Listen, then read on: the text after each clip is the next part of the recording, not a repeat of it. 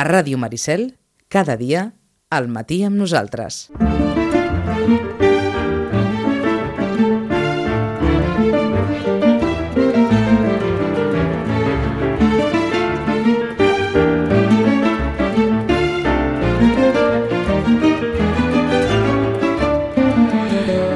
Encara que fos pintat de color de rosa, el poble de vegades era ple de malestar per culpa dels cavalls, per culpa del pres, per culpa del temps, per culpa de les glicines, per culpa de les abelles, per culpa del senyor que vivia sol a la casa amb l'espedat cobert d'eure que a les tardes d'acabament d'estiu semblava una onada de sang. És un paràgraf d'un llibre que és un repte.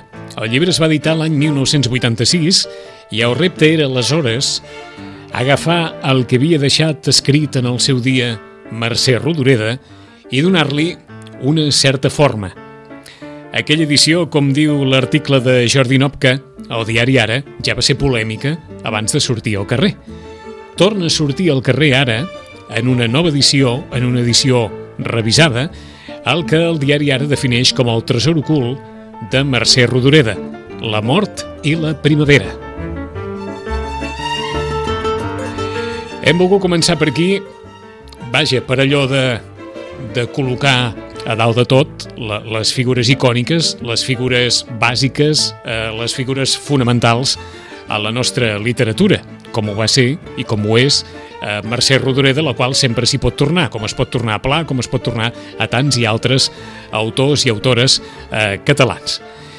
Rosana Lluc, bon dia, bona hora. Hola, molt bon dia.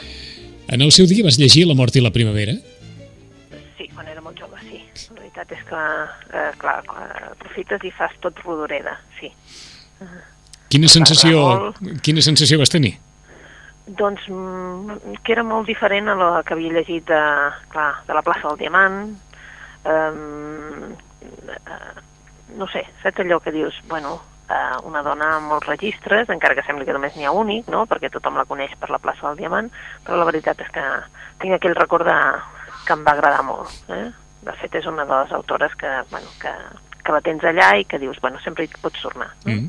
És que precisament coincideix el teu testimoni eh, amb el testimoni del, del periodista de l'Ara parlant d'aquesta novel·la, que és quelcom absolutament diferent a, a, diguem-ne, el que es pot esperar de, de Mercè Rodoreda i en el seu dia ja va ser diferent pel fet, aquest fet que també ha succeït en altres disciplines artístiques, en la música també també s'hi han trobat més d'un. Què passa quan, quan un autor mor i queden, vaja, queda testimoni de la seva obra sense acabar de perfilar del tot pel propi autor? Vet aquí el, el repte de, allò de, de trair o no trair un cert esperit o què hagués fet Rodoreda amb aquestes, amb aquestes ja capítols escrits i pàgines escrites de, del llibre, com les hagués ordenat, com ho hagués eh, col·locat o deixat de col·locar, no? Aquest, aquest punt d'interpretació que té tot plegat cada, cada edició que es pugui fer de d'aquesta novel·la, de la mort i la primavera. El fet és que acaba de sortir una, una nova edició, així ho diu el diari Ara, i mal que sigui per aquells que tinguin a Rodoreda a la, a la capçalera del llit, doncs aquí tenen una oportunitat de, de retrobar-la amb, un, amb un registre diferent perquè no sé si Rodoreda es ven molt. Mm. Lamentablement, no. Lamentablement no. D'acord. Bueno, a veure, hem de, hem de considerar que gràcies a que de tant en tant està recomanat als instituts, no?, a batxillerat, doncs encara la, la trobem, però han passat uns anys que, de fet, no la trobàvem, eh? Mm. Però sí que, sí que hi és, eh, almenys en les edicions amb, així en butxaca, uh, aquesta no ho és, eh? aquesta és diferent, però en definitiva ha costat uns anys això de, de, de, com allò que sempre hem parlat, que sempre tenim aquest tema pendent, de tot això que tenim en català i autors catalans que, doncs, que costa, saps? Vull dir, ahir buscàvem, per exemple, per, per sortir d'això, eh? Vull dir, estàvem, uh -huh. estàvem buscant un Montcada, Sí. I hi ha un llibre, doncs, que no el trobem ja, saps? Vull dir que no el trobem perquè encara no ha passat d'una editorial a l'altra. Saps que va, hi va haver aquell tema de què va passar de la Magrana, que es va, com a diguéssim, va abandonar l'editorial que sempre l'havia publicat i es va passar a 62, en vida ja, i, i bueno, se'ns ha quedat un títol penjadet. I mira que, clar, dius, que dius, i, bueno, i mira que si no recordo malament, Jesús Moncada en el seu dia ja en parlaves com un dels autors que més venien i que més sí, agradaven. Sí, sí, sí, sí. Vull dir que, I que és un autor també que dius, veus, eh, un autor que també mm, no hauríem de deixar de llegir, no? Perquè és un autor que dius, bueno, qui no el conegui és un autor per conèixer, no? Saps aquells autors que dius, Mhm. bueno, mm, impressionant. Eh, I dius, bueno, doncs... Eh, bueno, ens passa això, eh? Ens passa això. Ah, dir, ens passa això. Però, esclar, agafant l'exemple inicial que ens posava, segurament eh, potser val més pels instituts eh, eh, Jesús Moncada que Mercè Rodoreda, Sí, però els contes, jo, jo és clar, els contes... del- els contes. Sí, jo no m'atreviria amb els altres, eh? Uh -huh. No, no Ho dic perquè, perquè per, per aquells que, que han llegit Rodoreda i que puguin dir, home, eh, potser encara és una, és una novel·lista encara, sempre serà una novel·lista per algú amb una mina amb, amb- una mica de vida passada ja. I, Sí, però saps què passa?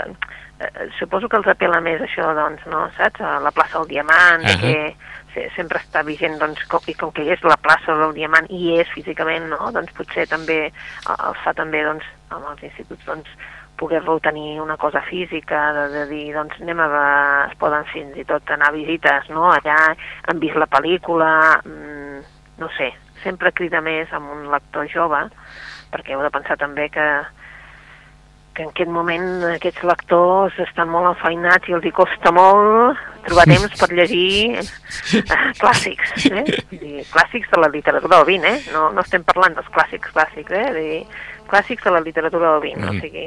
clàssics de fa 100 anys, o encara no Eh, 100 eh, anys. bueno, clàssics de fa 100 anys, això, sí, saps? Vull dir, la Rodoreda per ells, vull dir, eh, és els Mm. pares que diuen, home, te l'hauries de llegir, no? Però, bueno, eh, bueno, saps? És allò que dius, bueno, bueno, eh?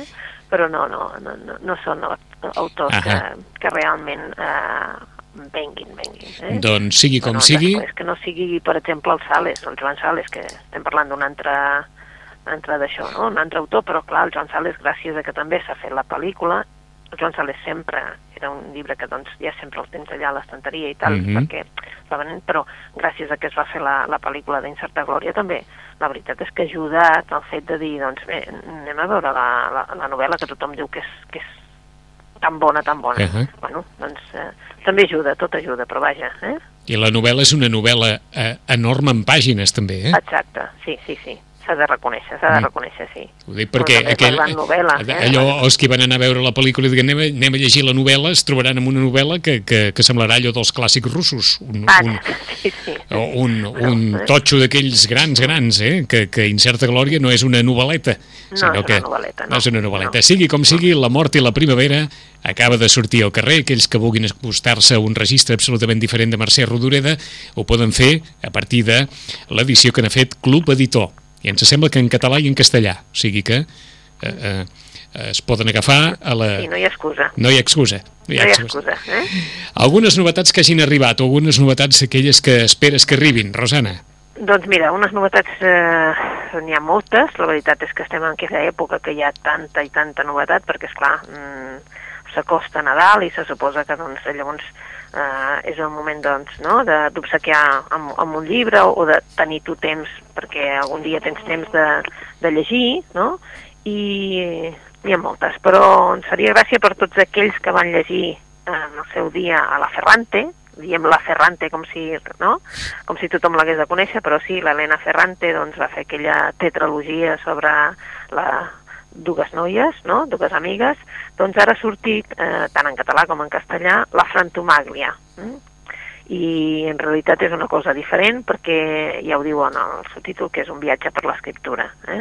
Eh, de fet, eh, podria ser d'ella com podria ser també com qual, qualsevol autor doncs, eh, què és la frantomàglia no? i llavors eh, ens expliquen doncs, que és tot aquell garbuix no? diguéssim que tens al cap de doncs, trossos de, de, del que serà la novel·la de, mm, de llocs, de paraules que se't venen i dius o de frases que tu voldries introduir en la novel·la o que ja penses no? I, i doncs bé, doncs tot això que tens en el cap eh, que voldries posar, doncs aquí tens aquest títol de, del llibre. Eh? Um, què són? Doncs són cartes, entrevistes, um, tot allò que tenen el calaix, saps el calaix d'aquells escriptors que després eh, sempre algú retroba coses que no s'havien publicat i tot això, doncs això és el Aflantomaglia de, que ens publiquen ara eh, Navona en català i, i Lumen en, català, en, en castellà. Uh -huh. eh, un viatge per l'escriptura, un viatge que ens farà conèixer una mica més aquesta autora i també doncs, ens porta doncs, a, una altra vegada a, a una gran literatura. Mm allò que dèiem de que, que ens agradava tant doncs, llegir cartes i que ara se n'escriuen molt pocs de llibres de cartes, no? i que amb una carta, amb un llibre, amb una carta pots conèixer tantes coses, no, no només del personatge, sinó de, del moment que s'està vivint, etc etc i que, bé, nosaltres hem deixat d'escriure cartes i això suposo que les generacions posteriors ho trobaran, sí. eh? trobaran a faltar. Això també és notícia aquests darrers dies, eh? que cada vegada s'escriu s'escriu menys cartes, s'escriuen menys cartes i fins i tot que, que cada vegada els correus electrònics també eh, han perdut la seva funció inicial i el que s'escriu, s'escriu en dues línies i, i para de comptar. Per tant, en retrobar, diguem-ne, aquell moment en què, en què les cartes tenien, tenien un sentit o tenien un, un pes específic, gairebé literari, sí, sempre sí, pot venir de gust, eh? Exacte. Eh, bueno, i nosaltres que vivim aquí, que tenim la, la biblioteca Balaguer, i vosaltres que teniu també una gran sí. biblioteca que està ple doncs, de, de cartes d'altres autors que ens ajuden a, a conèixer una mica també l'entorn social d'aquests grans autors del, del 19, per exemple, doncs clar, eh, què passava exactament les cases, doncs ho sabem a través de cartes que s'escrivien entre els autors, etc. i en canvi ara pues, no sabrem res, eh? Vull dir, jo crec que les generacions futures això ens ho ens, ens malairan, eh? D'acord. En, eh? Ens aturem un moment al títol del llibre, perquè si algú diu, ai, què, què han dit, què han dit? Bé, el nom és La Frantumaglia. Sí. Frantumaglia. I eh, allò, anant cercant una mica a internet, en, en, en una de les tantes pàgines en què es parla d'Helena Ferrante com una de les autores que ha sacsejat veritablement la literatura italiana, va néixer a Nàpols l'any 43, i diu, entre altres coses, aquest article, que quan li varen preguntar a Helena Ferrante en una de les escasses entrevistes que ha concedit a partir de quins materials construïa les seves històries, va dir que el seu punt de partida era quelcom que la seva mare anomenava frantumaglia, uh -huh. Que vol dir aquest conjunt de coses que ens apuntava la Rosana d'origen divers, que s'agita, i aquí no, no tinc traducció per, per la paraula, con persistente desasosiego, al nostre cap. Paraules, llocs, imatges, fragments de memòria que suren dispersos i que poden eh, estar en el nostre cap, així de tant en quant van sortint, i durant anys eh, conviuen amb nosaltres. Això és el que la mare d'Helena Ferrante definia com a frantumaglia. I aquest és el nom de la darrera novel·la que neix a partir precisament d'això, de totes aquestes coses que ens poden rodar eh, dins el cap. Per tant, la primera recomanació ens porta a Helena Ferrante, gran literata i, segons ens diu la Rosana, molt poc coneguda aquí. Per on seguim? Per on seguim? Per, per una altra recuperació. Tu començaves amb la, amb la Mercè Rodoreda, doncs continuem amb un altre autor que, que, bueno, que el tenim, però que, que, que, gràcies també de que de tant en tant es recomana un llibre, no? doncs eh, eh, el coneixen altres generacions. Parlem del Pedrolo, ah. eh? el Manel de Pedrolo. Una recuperació, doncs sí, com a negre ha començat eh, ara amb el volum primer i ha posat La Terra Prohibida, ¿vale? i aquí conté dos, eh, dos llibres. Conté Les Portes del Passat i La Paraula dels Butxins què ens porta aquest primer volum? Doncs, eh, doncs ens porta... Eh, és un... En realitat, La Terra Prohibida és potser una obra política, eh? era una obra molt compromesa, eh, evidentment eh, una obra que, que la va escriure, em sembla que a finals dels 50, per allà del 57, una cosa així, i, i evidentment la censura doncs, no li va deixar publicar, i fins a l'any 77, o sigui que després de la mort de Franco es va publicar ja l'obra, no? Ara la recuperem, no?, i, i la recuperem en dos volums. Um, doncs és això, la resistència catalanista vale? durant la guerra i la postguerra.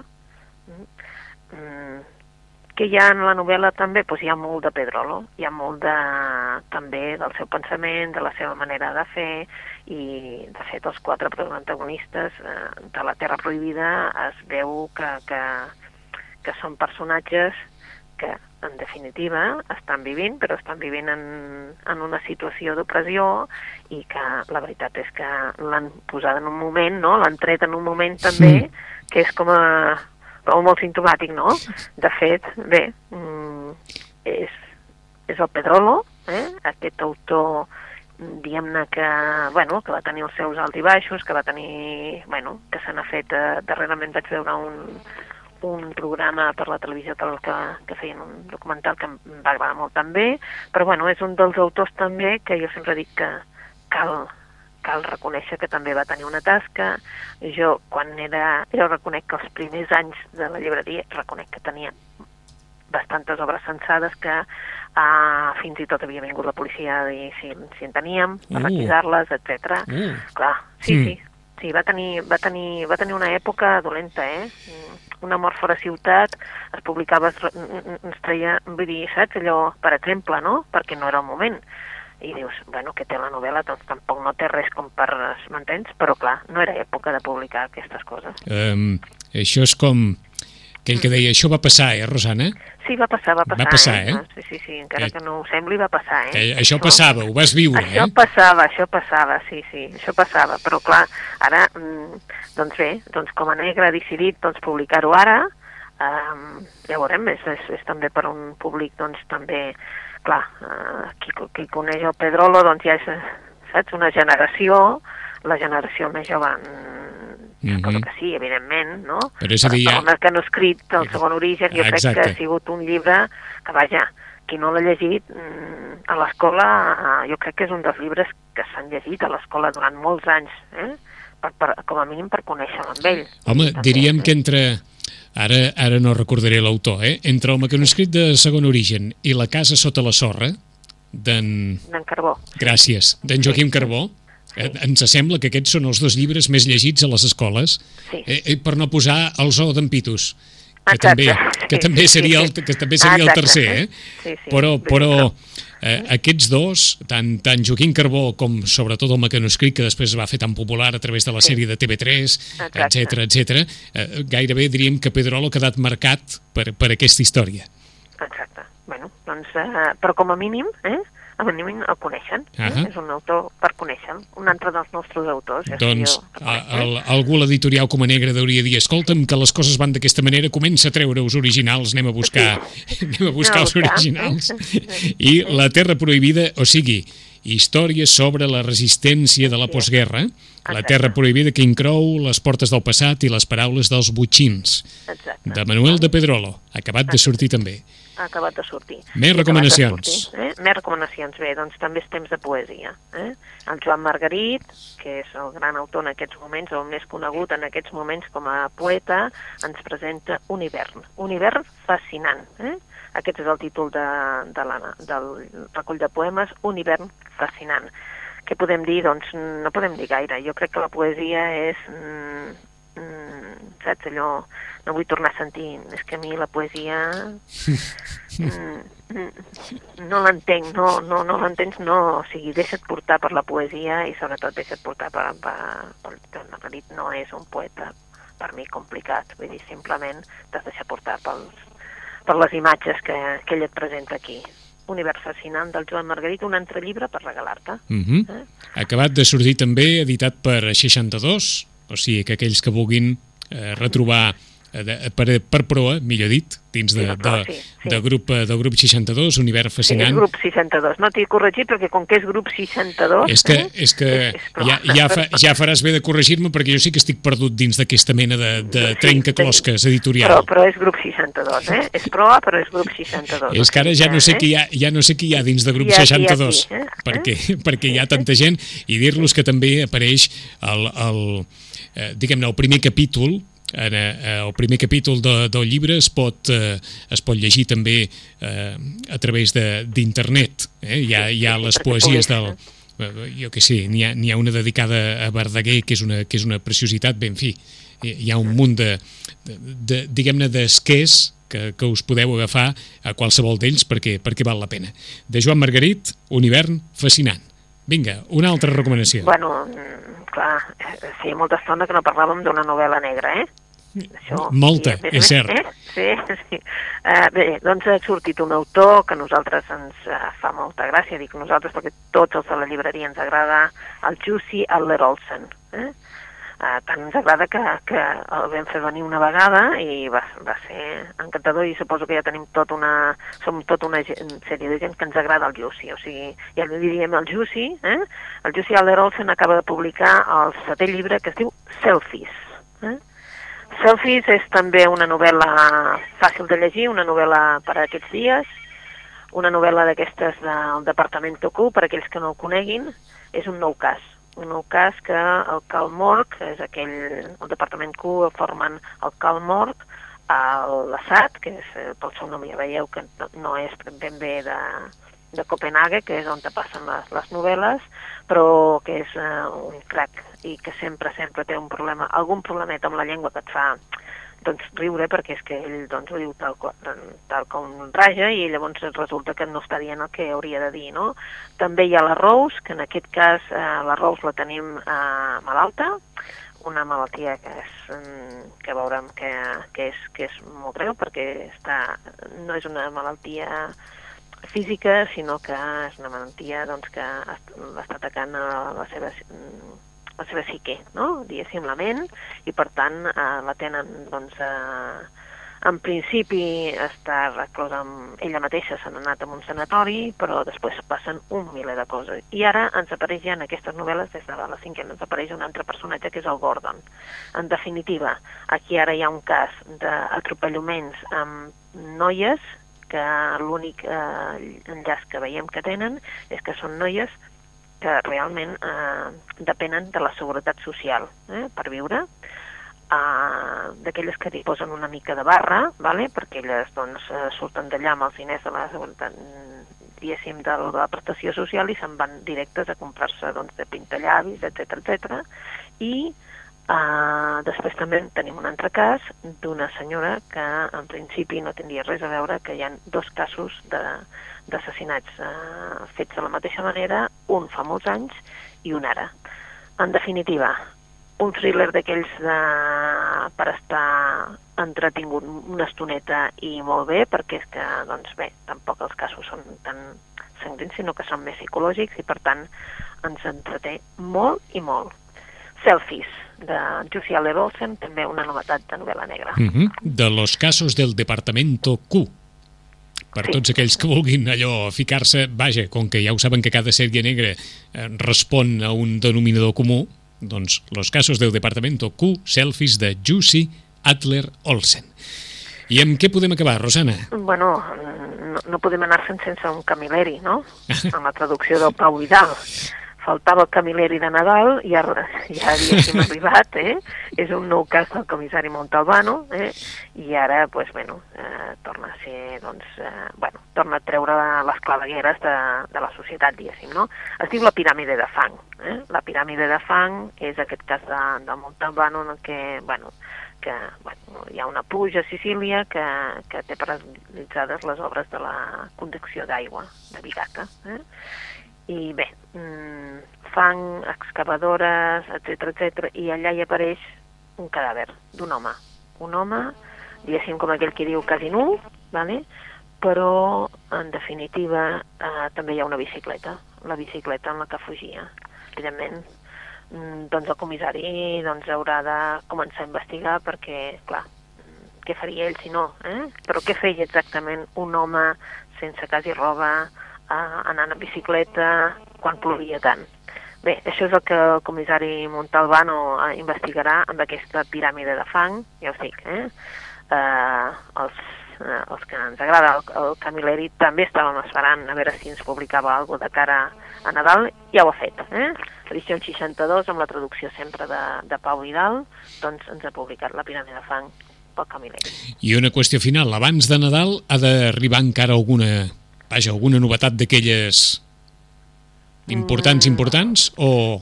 important, important, jo diria que no, però ara potser m'equivoco i resulta que sí, saps? Però, saps? Vull dir, important, important, diria que no, perquè... D'acord. És un consol, eh, és un consol, eh? Estem ja, estem, estem ja allò que diu, um, com que estem fent, hem fet ja les, les novetats de gener, porto un garbuix al cap, no, no una fantomàgia, jo porto un garbuix directament, saps, eh, en el cap de dir, ostres, què, què és el que surt, què és el que no surt, vull dir, quan surt això, saps?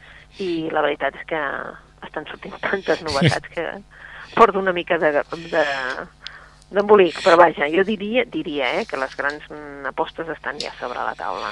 Doncs anem a fer un repàs al que ens comentava eh, fa un momentet la Rosana, algunes de les novetats, començant per, per aquesta eh, reedició de l'obra que va quedar allò sense, sense acabar, o com a mínim per la pròpia autora de fer, de Mercè Rodoreda, la darrera obra que, que surt a la venda ja aquests dies. La Rosana també ens ha parlat d'una autora que està tenint un grans crítiques i gran ressò social a Itàlia, Elena Ferrante, nascuda a Nàpols l'any 43, després de la tetralogia Dues dones, sobre aquesta història de dues amigues, ara la Frantomaglia, les coses que ens passen pel cap, aquell munt de coses que ens acompanyen al llarg de, de tota la nostra vida i que de tant en tant van sortint, van, van apareixent. De Manuel de Pedrolo, l'editorial Coma Negra, reedita La Terra Prohibida, on hi ha les portes del passat i les paraules dels butxins. És també una altra de les novetats literàries de Joan Margarit, Un hivern fascinant, un altre recull de poemes on hi ha, no cal ni dir-ho, els millors margarits reunits en un llibre. Pot ser un, també una molt bona recomanació per a aquestes festes. De Jussi Adler Olsen, Selfies, una història molt entretinguda de novel·la negra i hem acabat amb un nou episodi, amb, un nou, amb una nova història, amb un nou capítol del comissari Montalbano d'Andrea Camilleri, La piràmide de fang. En 15 dies retrobarem la Rosana Lluc i el temps dels llibres. Rosana, bona lectura. Molt bona lectura. Fins d'aquí Gràcies 15 a dies.